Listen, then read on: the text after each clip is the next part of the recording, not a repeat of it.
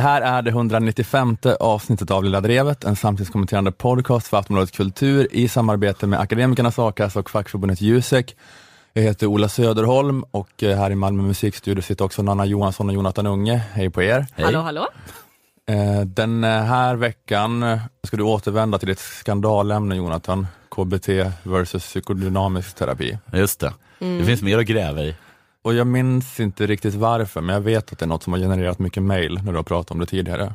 Är det inte för att väldigt många är psykologer eller pluggar psykologi? Mm, det låter som jävla Eller har problem. Ja, just det. Men det, det, är i alla fall något som uh, du har sagt massa fel om när du har pratat om tydligen. Men det... Man tror att det är folk som har skickat länkar och sånt? Ja, det kanske har gjort det. Folk som skickar länkar är galna. Mm varit arga på sociala medier och så. Läs här vad... Jag började få så här, jag håller på att bli galen av sociala medier, alltså ännu mer än vanligt. Att det var den här veckan med Ben Jerrys glassen ja. och sen så var det här med att den här killen i Täby som åkte moppe ja. och en tjej drog ett skämt om att han var töntig och sen så blev, gick hela Twitter i Bror Duktig-spinn mm. och skulle prata om hur fel det var av henne och säga att han var töntig. och så det bara pågick och pågick. Så jag började få någon så fantasi om att det kanske hade, eller jag började känna så här, fan jag önskar att jag blev metooad. Jag känner, så att jag inte kunde vara på sociala medier längre. det kan du väl ordna? kan, någon, kan någon som jag liksom tallade på på en indieklubb på 00-talet träda ja. fram och alla mig så att jag inte kan, kan vara på Twitter längre. Det här meddelandet går ut till alla socionomstuderande är liksom 2000-talet. Som var på Debaser och Metropolis under 00-talet. Någon av er måste bedas något skit. Och bara en av er vågar ställa fram.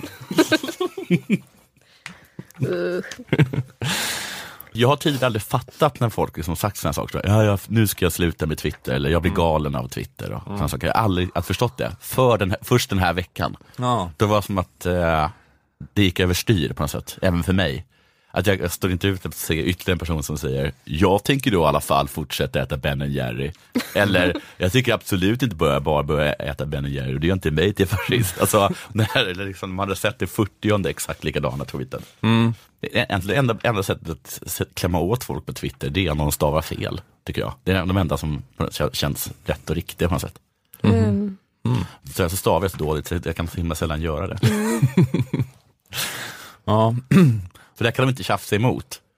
Ja, man kan ju säga att någon är ett rövhål som hakar upp sig på stavning. Jo, men samma stavas med två M, hur rövhålig man än är. Kul att du tog ett så safe ord. Tycker att det här är... Ja, ja, alltså hur stort mitt rövhål är förändrar inte att det är två M i samma. Och, eh, just, och, och du Nanna ska prata om eh, Putins telefonväkteri. Just det. Jag tänkte först eh, prata lite här om, om det här med sossarnas strategi när det gäller migrationspolitiken. Det var ett av de vanligaste inslagen i nyhetsprogram på senaste har varit intervjuer med sossar som sågar sossarnas migrations och integrationspolitik. Det var till exempel ett sådant inslag i Agenda och då var socialdemokraten Jens Orback där. Mm. Han var integrationsminister för typ 12 år sedan. Det var han med hästen, eller hur? Ja, han hade en släkting som låg med häst. Ja, eller jag tror att han Gift sa... min häst. Ja det, var, ja, det var något i samband med homoäktenskap, att han sa att jag tycker att man får leva som man vill. Min mammas moster i Kanada levde tillsammans med en häst. Och Just så det. hon sa då, mm. Mm. Jag, vet inte, jag vet inte varför jag tog upp det. Jag tycker, jag tycker inte att det är så kul egentligen. Nej. Det var mer bara jag, jag, stör mig på folk som tycker att sånt är så jävla kul. Ja. Att när fort Jens Orback kommer på tal så säger de, ha du lever ihop med en häst, ha ha ha. Det säger allt om honom. Så nej, det säger ingenting om honom. Det var bara ett jättemisslyckat försök till skämt han gjorde en gång. Det, ja, det spelar ingen roll. Men han är en av Mona Salins pojkar, eller hur? Det kanske han är. Ja, men han var... Monas pojkar, kan inte göra Mona? Mona har ju sina pojkar. Det är så jävla 100% guld de här. ja. ja. Eh. Vad skulle Mona säga om Ben Jerry? Va Nanna? Vad skulle hon säga? Mona tycker Ben Jerrys är supermumsigt. ja det gör hon. Säg Chunky Monkey. Chonky Monkey. Okej. Okej, okay, sluta med trams. Ja. Är det en Ben Jerry-sort? Ja, det är okay. um, Just det, Jens Orback, eh, gammal integrationsminister, mm. han var med och uh, sågade dagens sossar uh, för var de har hamnat i de här frågorna. För de säger ju det, det är ju deras budskap från partiledningen. Vi kan inte skilja oss för mycket från EU. Vi måste ha en politik som harmoniserar och som överensstämmer. Mm. De har de en poäng där då? Nej, det skulle inte jag vilja säga. Nej, partiledningen har ingen poäng, säger han då. Men å andra sidan... Så tycker du att vi skulle kunna mm. köra på som det var 2015 till exempel? Nej, det tycker jag inte. Så har partiledningen någon slags poäng kanske? Eller det utesluter kanske inte varandra de två? Att inte ha poäng och ha det. Vi kan avvika från resten av EU men inte 2015 mycket. Nej. Att det är någonstans mitt emellan. Jag vet inte riktigt. Men det är lite, det är lite oklart där, för det jag märkt är att många av de här sossekritikerna och sossarna har inte så stora problem med de här då förslagen i sak. Alltså det som är sossarnas politik nu, att det som var den tillfälliga lagen med stramare regler, det ligger fast tills vidare och att riktmärket närmaste tiden ska vara att Sverige ska ta sin andel av flyktingarna till EU. Inte en oproportionellt stor andel, utan mm. det som är den proportionella andelen i förhållande till Sveriges befolkning. Och många av de här sossekritikerna verkar inte ha så mycket problem med att det är det man gör, utan problemet är mer då att det pratas om det. Att eh, så här låter till exempel två andra sossar, eh, en annan före detta minister, Lena Hjelm-Wallén och debattören Göran Greider. Jag har reagerat mera på just språkbruket, eh, mera på det än på själva innehållet. Alltså jag är i grunden överens om det här när det gäller en stramare migrationspolitik, men de går för långt helt enkelt. Och det tror jag många känner. Retoriken ligger för nära SD också. Men det handlar enligt många av de här sossar som är sossekritiker, inte främst så mycket om vad sossarna gör, utan det handlar mer om att man retoriskt har fastnat på SDs planhalva. Mm. Eh, att man borde göra så att invandringsgrejen försvinner från dagordningen eh, och att det istället blir debatt om något annat. Vad vill de ha debatt om? Vinster i välfärden? Nej, Nej det vill de inte heller ha debatt om. Inte så värst mycket. Jag tror inte de vill ha debatt om något. Jag förstår faktiskt inte vilken debatt det är som de skulle vilja ha. De vill ha debatt om att eh, Moderaterna vill ha en skattesänkarchock och vi vill ha en välfärdssatsning. Mm, knappt att de vill ha den debatten tror jag. Mycket, det, kanske det. Ja.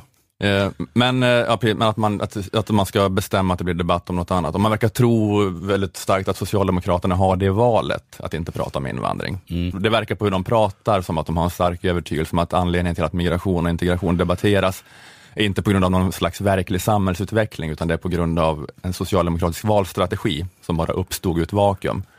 Att man skulle kunna tänka ändå att diskussionen drivs lite grann av att det har varit en invandring till Sverige som varit eh, eh, särskilt hög, både jämfört med Sverige förr och i en internationell jämförelse. Jämfört med andra länder så är vi då i en period med unikt hög invandring, men att det, det, liksom, det är inte alls därför, utan det är bara på grund av vad Socialdemokraternas valledare John Sanchi sa på en presskonferens i vintras när han presenterade valstrategin. Att han lite för mycket betonade hårda frågor och lite för lite mjuka välfärdsfrågor eh, och därför har väljarna nu hamnat i det här att alla har en hänga på invandringen för att John hjärntvättade dem att eh, invandring och integration, det är inte något som existerar i sinnevärlden, utan det är ett meme som skickas ut från olika partikanslier. Mm. Aftonbladets ledarskribent Anders Lindberg säger så här. Det finns också en idé hos socialdemokrater och moderater att om man pratar mer om SDs frågor då kommer SD att minska. Och jag har aldrig riktigt förstått den här strategin. Ja, de som säger att SD gynnas om man pratar om deras frågor, de har ju nu fått rätt, kan man säga. Mm. De hade fel i valen 2010 och 2014, då Socialdemokraterna inte pratade om SDs frågor, men SD ökade. Men nu pratar S och M om SDs frågor och SD ökar nu också. Så nu har de till slut fått rätt. Precis var före sin tid. Ja, exakt. Anders Lindberg står verkligen då för den här äh, väldigt eh, konstruktivistiska filosofin, att det finns ingen verklighet som föregår memesen som partikanslier skickar ut att, att om man tittar, alltså valet 88 när Miljöpartiet kom in, då var det ett sälval, det var ett miljöval, det var deras frågor som dominerade. När Folkpartiet gjorde sitt succéval 2002 så var det för att de dominerade valet med språktest. I EU-valet 2009 dominerade Piratpartiet valrörelsen och kom in i Europaparlamentet. Och jag tycker sambandet verkar vara ganska tydligt att det parti vars frågor man diskuterar ökar. Att sambandet verkar vara tydligt att det finns ingen anledning att undersöka om den här orsakskedjan börjar på ett ännu tidigare ställe. Mm. För det finns då ingen säldöd som föregår en säldödsdebatt. Precis. Det finns ingen Ipred-lag som föregår en debatt om Piratpartiet-frågor. Hade, hade, hade valet varit i maj så mm. hade Solskenspartiet vunnit. inte, inte för att det var soligt, utan Nej. för att de fick ut det på agendan. Eventuellt eh, bad och glass. Bad och glasspartiet. Men är det så Anders Lindberg tänker? Är det så med Palmemordet också? Nästa nummer av tidningen Filter. Anders Lindberg löser Palmemordet. Palme mördades för att ett narrativ om att han hade mördat skapades. Och vi i det politiska och mediala etablissemanget lät det narrativet dominera. Helt onödigt av Socialdemokraterna att ge bort det initiativet. Vi borde ha fått debatten att handla om våra frågor istället. Till exempel frågan att Palme fortfarande lever. Nu har vi snackat så mycket om att du blivit mördad så vi måste skjuta det. Men nu, och nu har då Stefan Löfven tagit till sig av kritiken och sagt att det är färdigsnackat om migration. Han sa det till Göteborgs-Posten för mm. några dagar sedan här att vi är klara med den nu och nu citat gäller det att få debatten att handla om något annat än migration. Vad? Så nu ska sossarna sluta skicka ut det mimet. ja, men, ja, men det kanske också så här att eh, SD hatar eh, facket. Ja, ja, De hatar LAS och sådär. Mm, vad bra. Talar om det. Sånt. Men nu är det som att jag har suttit här och raljerat över den här konstruktivistiska inställningen, eller hur? Det har ni hört. Att man tror att det bara är memes. Så, men jag vet å andra sidan inte om jag tror på det här jag har sagt helt och hållet. Eller för man tycker ju själv också att det är så. Alltså till exempel i så östeuropeiska länder, då tycker man ju att det är så.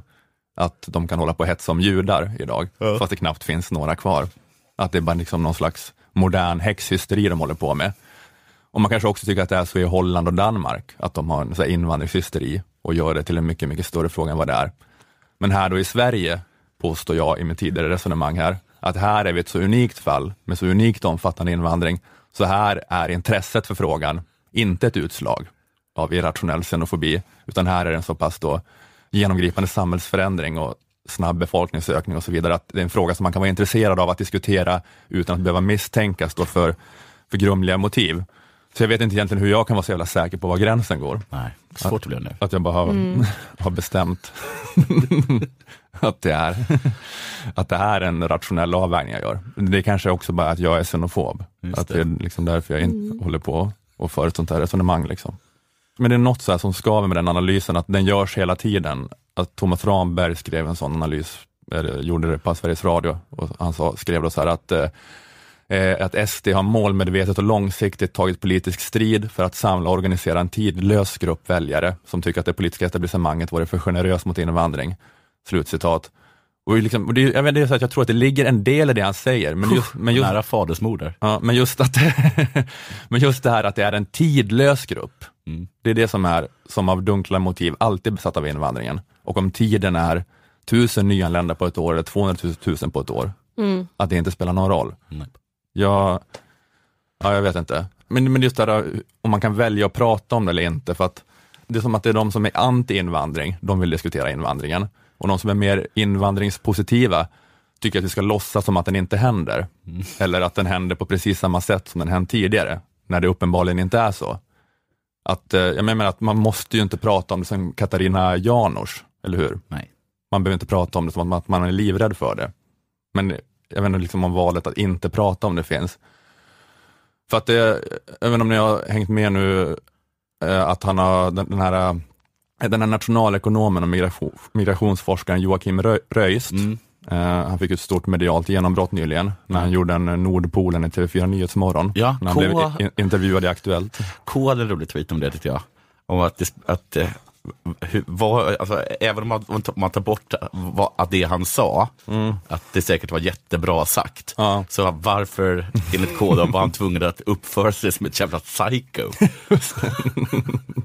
Jag har missat det här. Vad, vad gjorde han? Han fick liksom en fråga om hans forskning, mm. om, om han någonsin tänkte när han gjorde den forskningen att den kunde liksom användas, komma i fel händer eller användas av grumliga krafter eller farliga, ja. mörka krafter. Mm. Och då då liksom stod han tyst och stirrade ner i bordet och talade fruktansvärt långsamt och uppförde sig extremt knäppt. Liksom. För att han tyckte att det var en så sjuk fråga, ska ja. jag som forskare ta hänsyn ja. till det? Ska inte jag bara liksom presentera mina data som de är? Och ja. så, att, så då, ja, men då gjorde han en sån. Han uppförde sig lika sjukt som han tyckte att frågan var sjuk. Mm. Jo men ja, jag vet att... Uh... Jag tycker att han har rätt i det han sa, men på något sätt vill jag bara liksom komma hem till honom och uppföra mig som honom i fem minuter. Han ser obehagligt det. Jag bara undrar om det, om det är sånt som du tar, har liksom tänkt och tagit hänsyn till när du gör en sån här rapport som ju förmodligen kommer bli kontroversiell?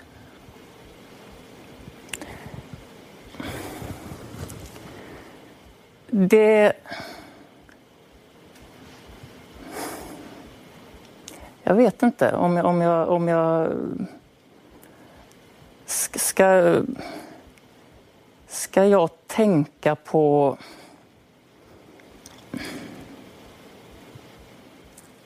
hur den kan komma att användas i valrörelsen.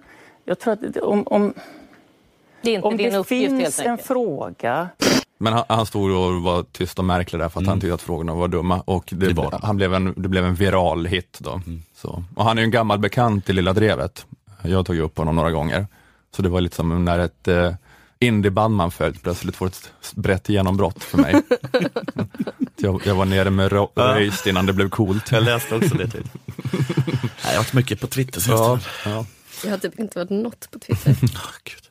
Ja, men han, eh, han, han har sådär åsikter om asylrätten och han räknar på invandringens kostnader och det har varit massa debatt om hur han gör det och att det har varit lite kontroversiellt och jag tänker inte lägga mig i det. Men grejen bara, att jag tar upp honom som exempel nu för att han så pratar om invandringen och målkonflikterna i den, men är väldigt mycket för generös invandring. Mm. Mm. Att han gör, lyckas göra den grejen då som kanske du vet, till exempel sossarna skulle kunna göra. Han var med i senaste avsnittet av Jörgen Wittfeldts eh, fredagsintervjun och pratade om det. Jag tycker att väldigt mycket av vad som sägs negativt om, om flyktinginvandringens konsekvenser i Sverige i, idag är överdrivet. Alltså både när det gäller det ekonomiska och det kulturella och brottslighet och allt vad det är. Alltså, ja, men vi är fortfarande ett av världens rikaste länder, vi är fortfarande ett av världens tryggaste länder, vi har fortfarande nästan den högsta tilliten mellan människor och till institutioner och allt vad det är. Och då har vi tagit emot flera gånger fler flyktingar per capita än vad Europa skulle behöva göra för att ta emot varenda flykting som finns i hela världen. Så det sätter väldigt mycket av de olika negativa skräckhistorierna i perspektiv. Någonting är men, vi ändå rätt. Men samtidigt hade det fortsatt att komma 10 000 människor i veckan hur länge som helst så hade vi ju naturligtvis till slut nått den där punkten där vi hade tvingats göra om hela välfärdssektorn och eh, tilliten och samarbetena mellan människor troligtvis hade tagit skada i betydligt högre grad. Men i det avseendet mm, tror du att eh, Sverige då bromsade i tid så att säga? För att slippa göra om hela välfärdssektorn och för att slippa tappa tilliten, den höga tilliten vi har bland människor? Ja, jag tycker att Sverige bromsade vid en väldigt väl vald tidpunkt. Mm. Fan vad bra vi är. Precis. Det kan sossarna säga. Vår migrationspolitik har varit helt perfekt. Istället för att hålla på och be om ursäkt att vi var naiva. Nej, det är som när man, man kör en Ferrari i 200 km timmar och så bara precis stannar innan stupet. Mm. Då, då ska man inte vara så här, oh, oh, oh. man ska vara så här. Ja, men jag menar bara att det här är ett exempel på att man kan prata om det här liksom positivt utan att för den skull vara en av de här äh, jävla idioterna som inte ens vill erkänna att målkonflikten i asylrätten ställdes på sin spets hösten 2015. Cool. Som äh, även då, när det kom 10 000 i veckan, inte tyckte att det var en fråga utan bara ett meme och det viktigaste var att positionera sig mot SvD-ledarskribenter. Och de idioterna, det var ju en majoritet av alla vänster och liberala åsiktspersoner som bara gick i spinn över att Per Gudmundsson twittrade för att han var upprörd över att finansministern inte kunde erkänna att det var ohållbart. Han skrev att den här takten, 500 000 per år, mm. skulle innebära nationens undergång på några år. Och sånt där. Eh, men vilket ju typ var sant. Ja. det hade, Per Gudmundsson hade ju ändå typ rätt. Det hade varit nationens undergång. Eller man kanske tycker att det är fjantigt med sån högergubbelingo, att säga nationens undergång, men ja. samhällets undergång då. Alltså liksom med tanke på antalet människor på flykt, hade det kunnat skapas ett parallellsamhälle med många hundratusen. Och det kan man ju vara för ändå. Men då måste man ju liksom erkänna målkonflikten, att okej, okay, då accepterar vi kåkstäder och tältläger och så vidare. Och vi kanske kommer till den punkten i världen på grund av eskalerande klimatkris, att man måste börja acceptera ett sådant flyktingmottagande. Men hur som helst måste man ju erkänna att det är det vi pratar om då. Ja. Om vi låter 10 000 i veckan ske under en längre tid. Men det var det ingen som erkände, utan alla bara raljerade över hur sjukt det var och påstå att det här ens var en grej och något som skulle kunna påverka samhället, så sätta systemkollaps inom citationstecken, göra skämt om att nationens undergång är det att det är för många deltävlingar, det är mello eller något. Men alltså, att man bara är kvar i det modet hela tiden. Att det, det är det intressanta för dem också när det kommer 10 000 i veckan, att bara raljera över det här mimet som SVDs ledarsida skickar ut. Hade det varit den största jag vet det, reaktionen på något sätt, om vi hade tagit in 500 000 per år, att det hade blivit så mycket fler städer över 100 000 som du måste ha, du måste ha deltävling i Mello. Jaha, ska Skara ha det också nu? Alltså du, okej. Okay. Metropolen Skara. Smält upp en Cloetta Center i Skara också. Byggt en sån för dyr evenemangsarena där kommunpolitikerna måste användas på något sätt. Ja. Vi får lägga till Vetlanda upp i 150 000. Mm. Satan. Men Mello kommer aldrig ta slut. Nej, men jag vet inte, men just att man bara är kvar i och raljerar över mimet då också, eller att man får se lite intrycket då tycker jag av att de här människorna är inte ens intresserade av långsiktig generös invandringspolitik med brett stöd, för deras beteende skadar bara den saken, utan de vill liksom bara positionera sig mot SvD-ledarskribenter. Att man liksom, eh, men att de vägrar kalla en spade för en spade då, att om du liksom inte är redo för en radikal samhällsförändring så måste det stramas åt nu. Men de vägrade erkänna det och då höll på att brunsmeta de som erkände det och genomförde åtstramningen. Sen efteråt raljerade de över att det blev minsann inte någon samhällskollaps. Haha, dumma alarmister som kunde tro det. Måste bara, ja, det var inte tack vare, tack vare er då. Eh, men annars är ju Sverige så här, äh, relativt till EU eh, äh, generösa flyktingpolitik, det är något som har genomförts för att man har trott på det, antar jag.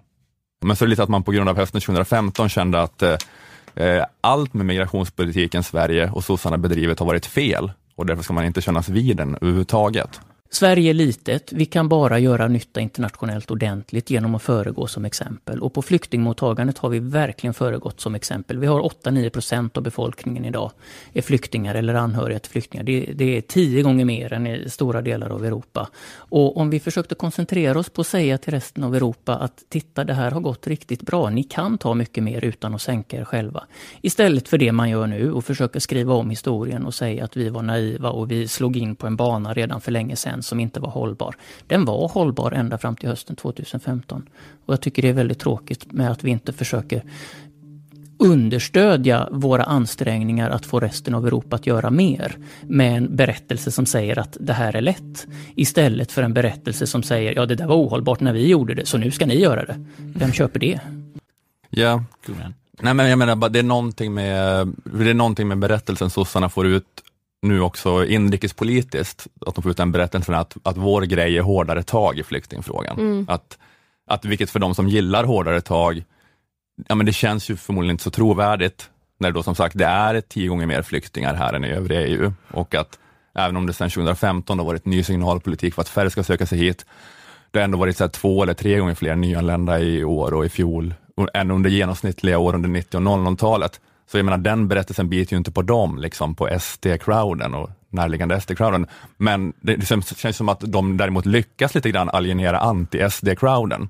Ja. Eh, vilket på något vis, man kan känna att det är så otroligt klumpigt att skapa den berättelsen då efter vad som har skett. Att, eh, man kan ju tycka att alla liksom är, för mycket antiflyktingar överallt, men ändå relativt sett att om måttet på hur onazistisk man är är hur många asylinvandrare man tar emot från något som inte är ett grannland, då har det aldrig i västvärlden existerat en mer onazistisk ledare än Stefan Löfven. Men han, han har ändå lyckats sätta bilden av sig själv som lite nazist.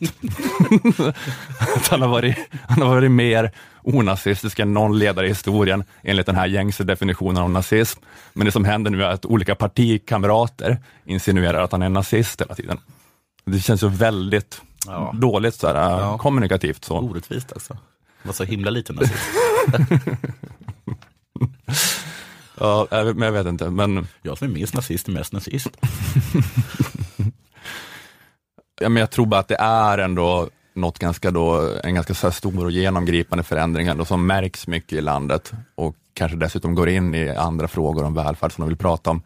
Så att, eller så att liksom alternativet att inte prata om det tror jag är svårt då, men det är så här, Ja, men det är så att man tror att inte prata om det eller prata om det som Katarina Janouch, att det är alternativen. Men Men jag menar om man har gjort den här då insatsen som Röist beskriver, varför använder man inte det retoriskt? Att Precis. det här är bra och det liksom, vi har gjort den här insatsen, det går bra för Sverige och det, jag vet inte. Då hade ju Lena och Greider rätt då. Ja, just det. det att det är inte, mm. inte att vi pratar om det, utan det är hur vi pratar om det. Ja, just det. Så varför, varför drog jag igång hela den här egentligen? jag bara kunnat spela Greider. Ja, precis. Det slutade med att jag hade inget mer raffinerat att säga än vad Greider och Lena Hjelm-Wallén hade.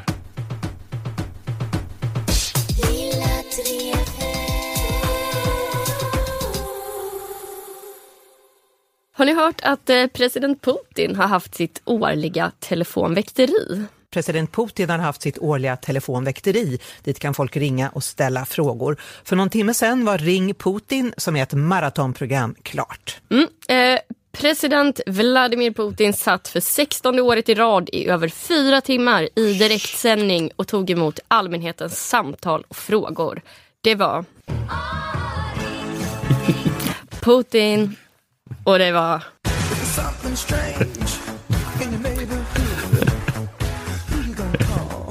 Carl Putin. Nej, lite mer känsla.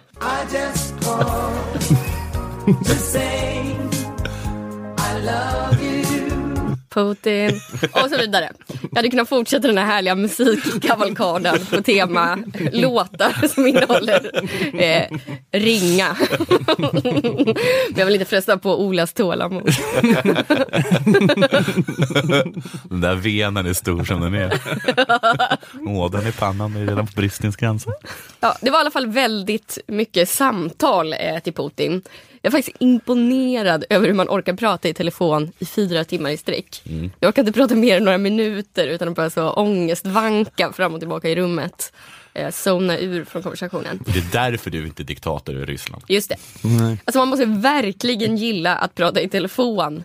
Vilket i och för sig går i linje med min spaning om gubbar och telefoner i avsnitt 131 av Lilla Drevet. De har svårare att inte prata i telefon än att prata i telefon.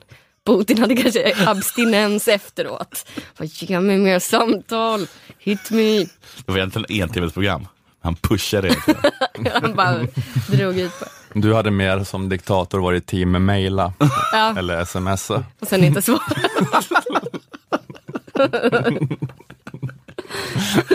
så direktsändning. Där jag sitter med telefonen på ljudlös och spelar Sims.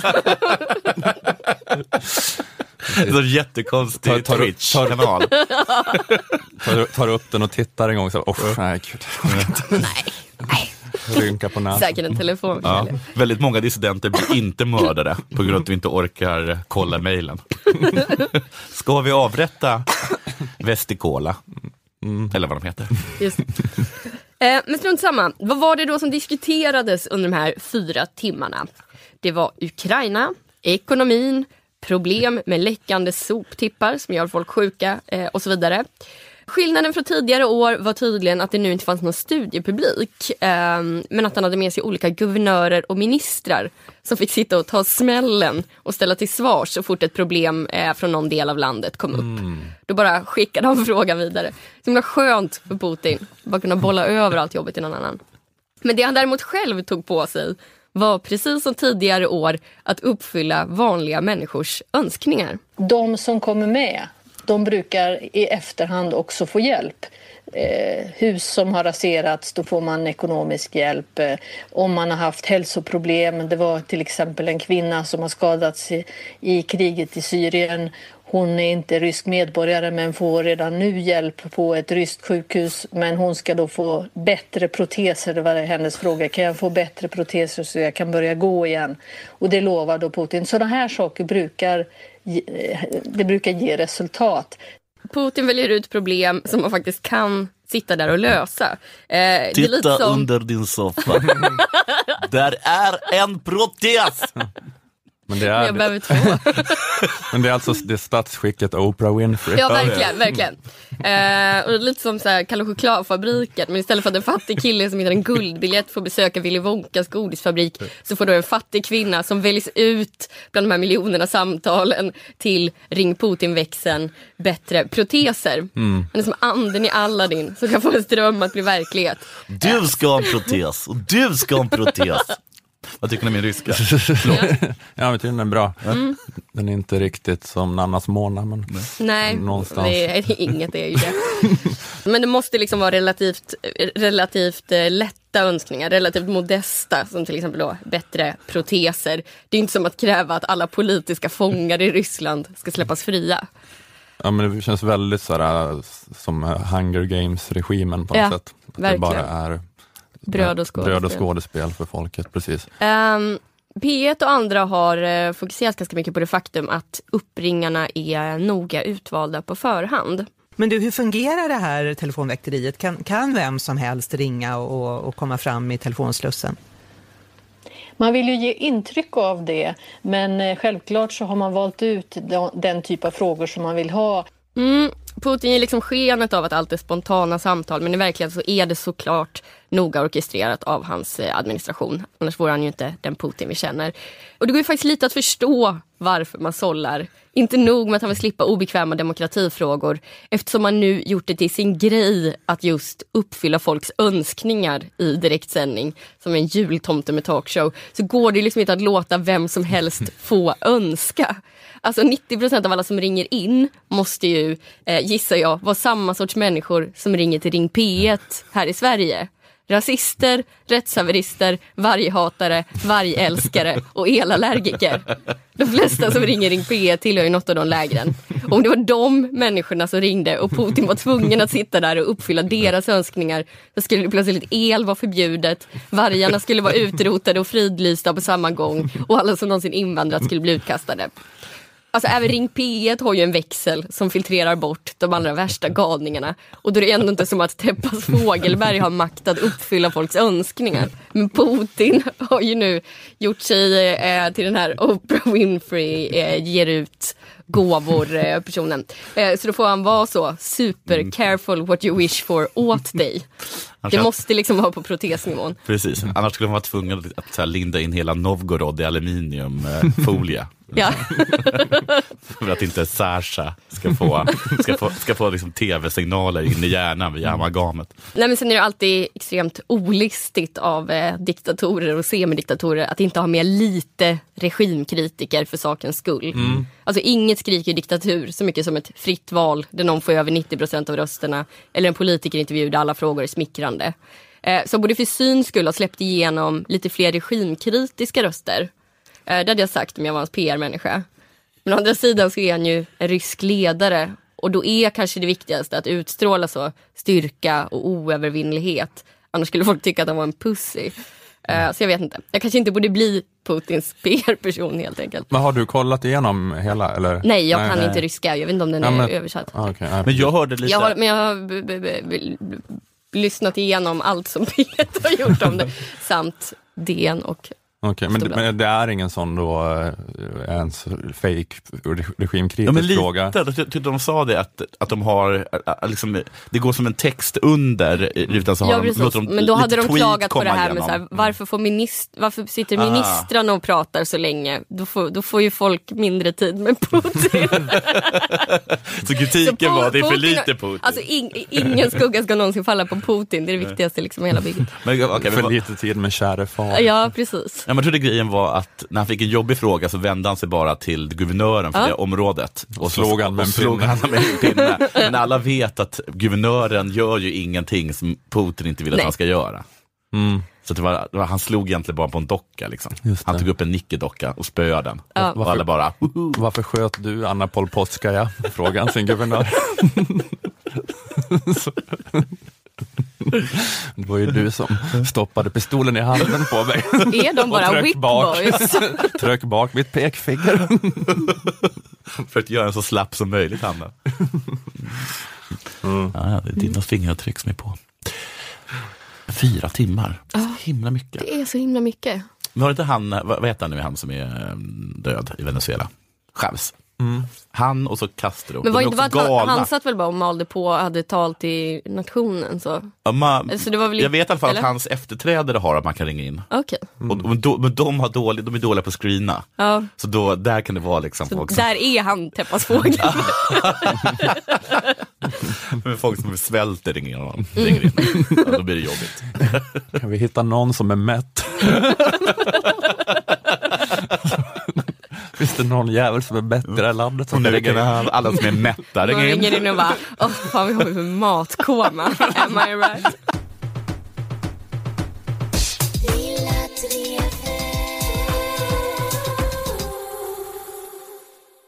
Det är viktigt att planera för det oplanerade. Man måste ju försäkra sitt hem och sitt liv och sin bil och sånt. Och lika självklart bör det vara att försäkra sitt arbete. Lilla Drevet sponsras av Akademikernas a-kassa och fackförbundet Jusek. Eh, gå in på akademikernas.se och se till att ordna ett a-kassemedlemskap om du inte har gjort det. Endast 110 kronor i månaden och då får du upp till 20 000 kronor i månaden om du skulle befinna dig mellan jobb. Akademikernas är för er som har eller söker anställning, men också för egenföretagare. Om du till exempel har egen firma och blir av med din största uppdragsgivare så att det blir omöjligt för dig att gå runt, då kan du lägga företaget vilande och istället få ut a-kassa. Är du inte akademiker ska du självklart vara med i a-kassan ändå. Gå in på väljaakassa.se och se vilken a-kassa som, som passar. Millions of people have lost weight with personalized plans from Noom. Like Evan, who can't stand salads and still lost 50 pounds. Salads generally for most people are the easy button, right? For me, that wasn't an option. I never really was a salad guy. That's just not who I am. But Noom worked for me. Get your personalized plan today at Noom.com. Real Noom user compensated to provide their story. In four weeks, the typical Noom user can expect to lose one to two pounds per week. Individual results may vary. Just dig. Är du eller på väg att bli jurist, ekonom, systemvetare, personalvetare, kommunikatör eller samhällsvetare ska du gå med i fackförbundet Jusek. Då får du bland annat del av Juseks inkomstförsäkring som ger dig 80% av lönen upp till 80 000 kronor. Eh, att vara med i Akademikernas och Jusek kostar 361 kronor sammanlagt. Är du redan Akademikernas medlem lägger du alltså bara till 251 kronor för att också få vara med i facket. Jusek har nu också andra fasen i sin kampanj Vi vet, som handlar om att det är facket som har den relevanta kunskapen om ditt yrkesliv. Går in på Juseks kampanjsida, jusek.se vi vet, finns ett eh, fantastiskt erbjudande för er som väljer att bli medlemmar nu. Det är extra förmånligt att bli det just nu. Vi säger inte vad erbjudandet är, utan ni måste gå in och kolla. Jusek.se snedstreck vi vet. Tack Akademikernas och Jusek.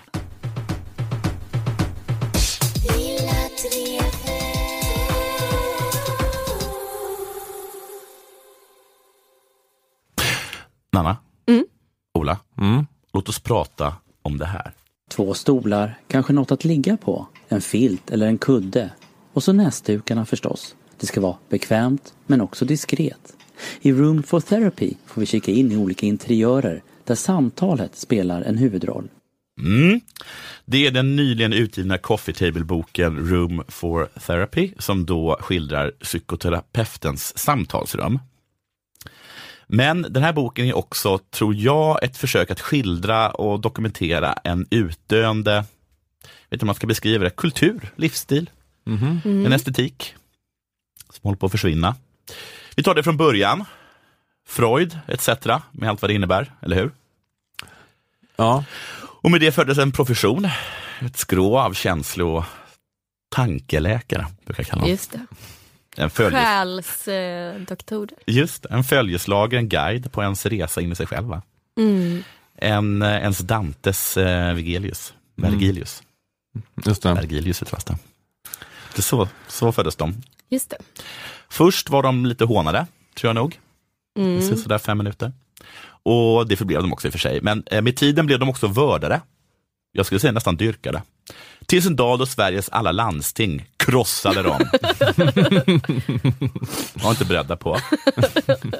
För eh, vi talar ju om psykodynamisk terapi när vi talar om mm. terapi. Det tror jag de flesta tänker på när man säger terapi. Eller vi gjorde i alla fall det, som sagt, tills mitten av 00-talet. För ut ur universiteten kom ett helt nytt släkte. De var unga, hungriga, kaxiga och de fokuserade på beteende istället för drömmar. Just det. Och de sopar banan med stofilerna inom psykodynamiken, eller vad det kallas, I mitten av 00-talet får då den här andra strömningen, då, KBT, ett stort uppsving. Och Statens beredning för medicinsk utvärdering slår fast att det finns mer evidens, alltså fler vetenskapliga studier till stöd för KBT. Och det är mycket på grund av att psykodynamiker inte gör några vetenskapliga studier på sin terapiform, för de är lata samt att de menar att det liksom inte går. Att det är svårmätbart? Ja, det går inte att mäta liksom, Men, på det sättet. Mm.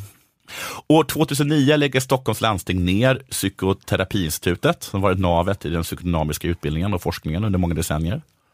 För den anses liksom inte uppfylla kraven på evidensbaserade metoder. Eh, mellan 2010 och 2011 så har liksom antalet KBT-behandlingar eh, ökat med 76 procent. Läste i en tidning. Mm. Och för 2012 eh, viker socialförsäkringsministern Ulf Kristersson drygt ytterligare en halv miljard kronor på bidrag till KBT-handlingar. Man satsar nu supermycket på KBT. Och i de nationella riktlinjerna rekommenderas KBT som eh, behandlingsform långt före psykodynamisk terapi, som till och med kommer efter medicin. Så det är, psykoterapi, eh, det är KBT, massa olika saker, tabletter, sen kommer eh, psykodynamisk terapi. Först KBT alltså. Mm. I andra länder så verkar KBT och psykodynamisk terapi kunna leva sida vid sida. Mm. Eh, men här i Sverige kan vi bara ha en tanke i huvudet åt gången och därför leder det till, till, till ett krig. Ett krig som nu KBT verkar ha vunnit. Mm. För att det bevisligen funkar, menar dess förespråkare, för att den är billigare, menar dess kritiker. Men för det KBT är att man bara... Tio gånger sen är det klart. Mm, nu kommer att... säkert få en mail. att man bara lär sig ö- övningar. Det är så här, vi, vi behöver inte gå till botten med ditt inre landskap, utan du ska bara få lite metoder för att ja. hantera. Nu får du en övning att sluta smsa ditt ex. Ja, precis. Vi de, behöver inte fundera på varför du gör det. De, de är väldigt mycket så här, den klassiska man, jag får ont när jag, när jag, jag får ont i armarna när jag sträcker dem väldigt högt upp över mitt huvud. Mm. Och då mm. säger KBT, men gör inte det. Just det. det går mycket snabbare än att komma fram till att ens mamma råkade kissa på den någon gång. Eller jag vet inte. Det här, nu får jag säkert ett, en, ett mejl med en länk. Jag kommer inte trycka på länken. Kommer det vara så varannan, varannan mening resten av ja. pratar är ett passivt aggressivt, men nu får jag säkert ett mejl. Men jag säger bara, det är slös att mejla mig. Det är slös på el. För du har aldrig läst ett enda mejl som har kommit till Lilla Drevet? Nej, inte med länkar. Jag trycker inte på länkar. Vet ni aldrig var, var de länkarna tar den. Nej. Nej, men jag kommer skumma de här mejlen i alla fall. Kan jag, säga. jag kommer kanske inte orka svara. Men med KBTs vinst dör inte bara en terapiform utan också en kultur. Och jag skulle vilja påstå även respekten för ett yrke. Vi börjar med ytan. Låt oss lyssna på det här inslaget. Och alla har ju sin berättelse, också den legitimerade psykoterapeuten som väljer sitt favoritrum hos kändisterapeuten Diana Forsa på Manhattan i New York. Det är så mycket värme i det och det är så mycket hon. Hon är verkligen en sån eh, varm, liksom, kärleksfull terapeut som man kan känna sig väldigt sedd av. Vi börjar liksom med estetiken. Vi börjar med rummet. va? Det här rummet, samtalsrummet rummet hos en psykodynamisk terapeut, den speglar liksom den psykodynamiska terapeutens egen personlighet.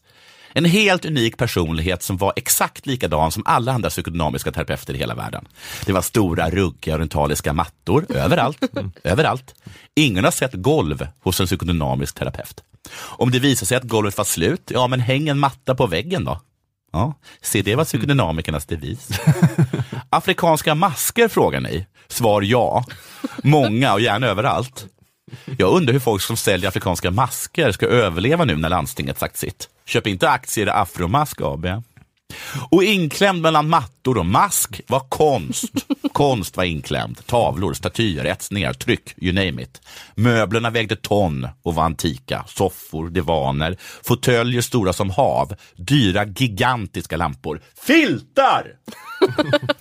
Och växter, otroligt många häpnadsväckande stora växter i krukor, blå krukor, som knappt fick plats i rummet. Eh, ifall en psykodynamiker ställs inför dilemmat patient eller urfet kruka, då är valet enkelt. Alltså vilka rum de har. Eller hade, skulle jag säga. Klipp till en KBT-ares rum. Tänk landstinget, vita, kala väggar, mm. två obekväma stolar, en whiteboard som står i vägen. En källa är eh, att sniffa whiteboard-rengöring en KBT-ares enda glädjestund på dagen. En KBT har sagt till mig, Ingen har någonsin dött av ångest, men vi inreder utifrån att någon plötsligt skulle göra det. Så tänk obduktionssal. Så ser, så ser ett KBT-rum ut. En växt, bara en, det är alltid en kaktus. Kaktusar är ju så lätta att sköta om. En psykodynamik däremot, de kan lägga 20 timmar i veckan på att tala och spruta dagg på sin djungel. Det är så praktisk växt. Ja. Förmodligen praktisk frisyr också ja, på, snagg, på terapeuten. Snaggat, ja, precis. så det går snabbt. Men de har en sagt lejonmansfrisyr. Ja. Lugg, ja. är du galen? Jag har inte tid att eh, liksom, ta bort den när jag, när jag tittar en olycklig människa i ögonen. eh, antagligen så har de inte ens ett eget rum utan hyr in sig några timmar i veckan hos en sjukgymnast med inriktning på att rehabilitera gamlingars brutna höfter. Det luktar gubbsvett i era rum, kbt Ni har säkert toalett i korridoren. Och det är väl säkert jätteeffektivt, men fy fan vad torftigt. Fan vad torftigt ni inrett till skillnad från psykodynamikerna. Och det här från inslaget som jag spelat in, den här lilla biten om, äh, från boken, det tycker jag är väldigt talande. Det är någon eh, terapeut som berättar om en lampa som är trasig som syns i bild. Som ah, den gick sönder men jag brydde mig inte om att laga den för att det är ju så livet är. Liksom. Den som sa det måste ha varit en psykodynamiker. Ja, För en KBT... Det låter verkligen inte som en KBT. Nej, en KBT hade bara suckat sina liksom tråkiga suckar och som en själlös drönare ställt sig upp, dragit ner den och ersatt den med en ännu själlösare lampa från Ikea. De tog sig till Ikea genom att åka Ikeas egen skyttelbuss. Det är mer effektivt att samåka. En psykodynamiker hade åkt med häst och vagn och sen förbi Ikea. Behållit den trasiga lampan för ja, det är så livet är. KBT-arna, ni vann. Men vad vann ni egentligen? För märker ni inte att nu på slagfältet finns ju bara ni kvar och ni är skittråkiga. Ni har vunnit avtalet med landstinget men förlorat glädjen som fanns i yrket och framförallt respekten. En psykodynamiker, hur tokig hen än må vara, den respekterade man. Det fanns auktoritet där. I allt blaj och mumbo jumbo fanns respekt. Ni, ni är bara tjänstemän. En KBT-are, hen snä sig åt. Flytta på dig KBT-aren. säger jag peta kanske på någon. Bara vifta bort dem. Jag ser dem inte. Jag blir inte rädd när jag ser en KBT-are. Jag ser inte någon som kan gå in i min själ och se hur ful jag är. En KBT-are. Ni kan inte sånt. Ska jag vara rädd för en KBT-are? Det kan du glömma. Det påminner mig lite om den där låten Ingen vill veta vad du köpt din tröja. Om livets liksom enformiga, kalla betydelselöshet. Det är livet för en KBT-are. Ni är säkert bättre och effektivare. Men nej, jag vill inte veta vad ni har köpt er tröja. Jag vet att det är på Filippa K. Kanske Acne. Alla KBT är döda inombords och klär sig och inreder därefter. Till skillnad från psykodynamikerna Mm. För jag vill veta vad du köpt din tröja, psykodynamikern. är det Gudrun Sjöndén, säger du? Vem är det? Jag sa tweedkavajen är från din farfar, som var sjörövare. Fan vad coolt! Och sen går de på opera, men de hinner nog med ett litet galleri på vägen. Och det förlorade ni också, KBT, den här friheten.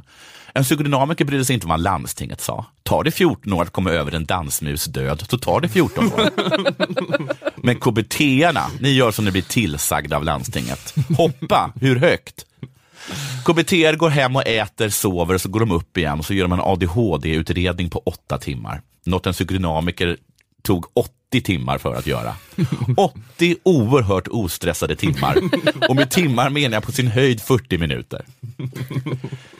Nej, ingen sörjer när du dör, ingen ska sakna det du gör, ingen vill veta vad du köpt din tröja. Fast du gjort allt man ska, du är artig, du är glad och du har tränat bort din dumma dialekt. De är alla från småstäder, kbt -are.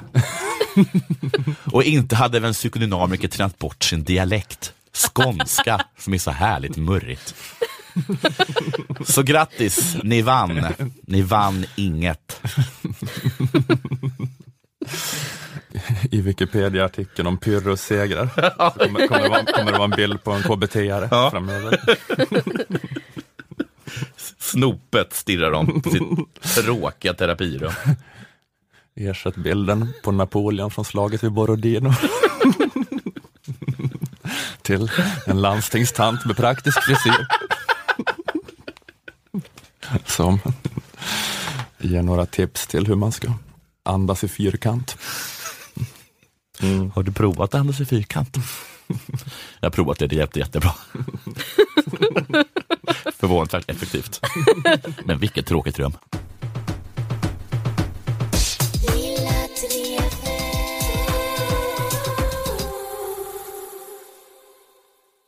Det, har det kommit något nytt spännande på din sida? Nej, en ny affisch. Vänta, jag ska bara öppna min Paypal. Eller ny och ny, det, men jag har lagt upp den där nu. Vad är det för sida vi pratar om? Uh, min uh, lilla webbutik. Ja. Med det kreativa namnet Nanna Johansson på ja. Etsy. Jag har på riktigt hört sug efter leggings. Mm. Leggings är på gång. Cool man. Precis, om då Moa skulle köpa det. För att det är det man måste ha Nanna Johansson leggings när man paraderar över Möllevångstorget. Just det. Som en Möllan-tjej. Så det kommer vi snart se. Annars kommer folk så vända sig om och peka på den och skrika. Som i den där skräckfilmen. Vilken skräckfilm? Tror du Body Snatchers? Vem pekar man på? Den som avviker? Ja, den som avviker. Okay. Mm. Vi kan säga att man kan ju kontakta oss då om man vill mejla om det här med KBT till exempel mm. på kontakt.lilladrevet.se, tror jag mejladressen är. Eller ni kan också mejla till olasoderholm.hotmail.com för det är ändå dit de mejlen kommer. Eh, och vi har en Facebook-sida också eh, som man, eh, om man vill komma i kontakt med oss. Ja, men det var allt för den här veckan. Vi säger tack till Aftonbladet Kultur, Akademikernas A-kassa och fackförbundet Jusek. Tack till Malmö musikstudio där vi spelade in. Jag heter Ola Söderholm och ni heter Nanna Johansson och Jonathan Unge. Hej hej! Hej hej! hej.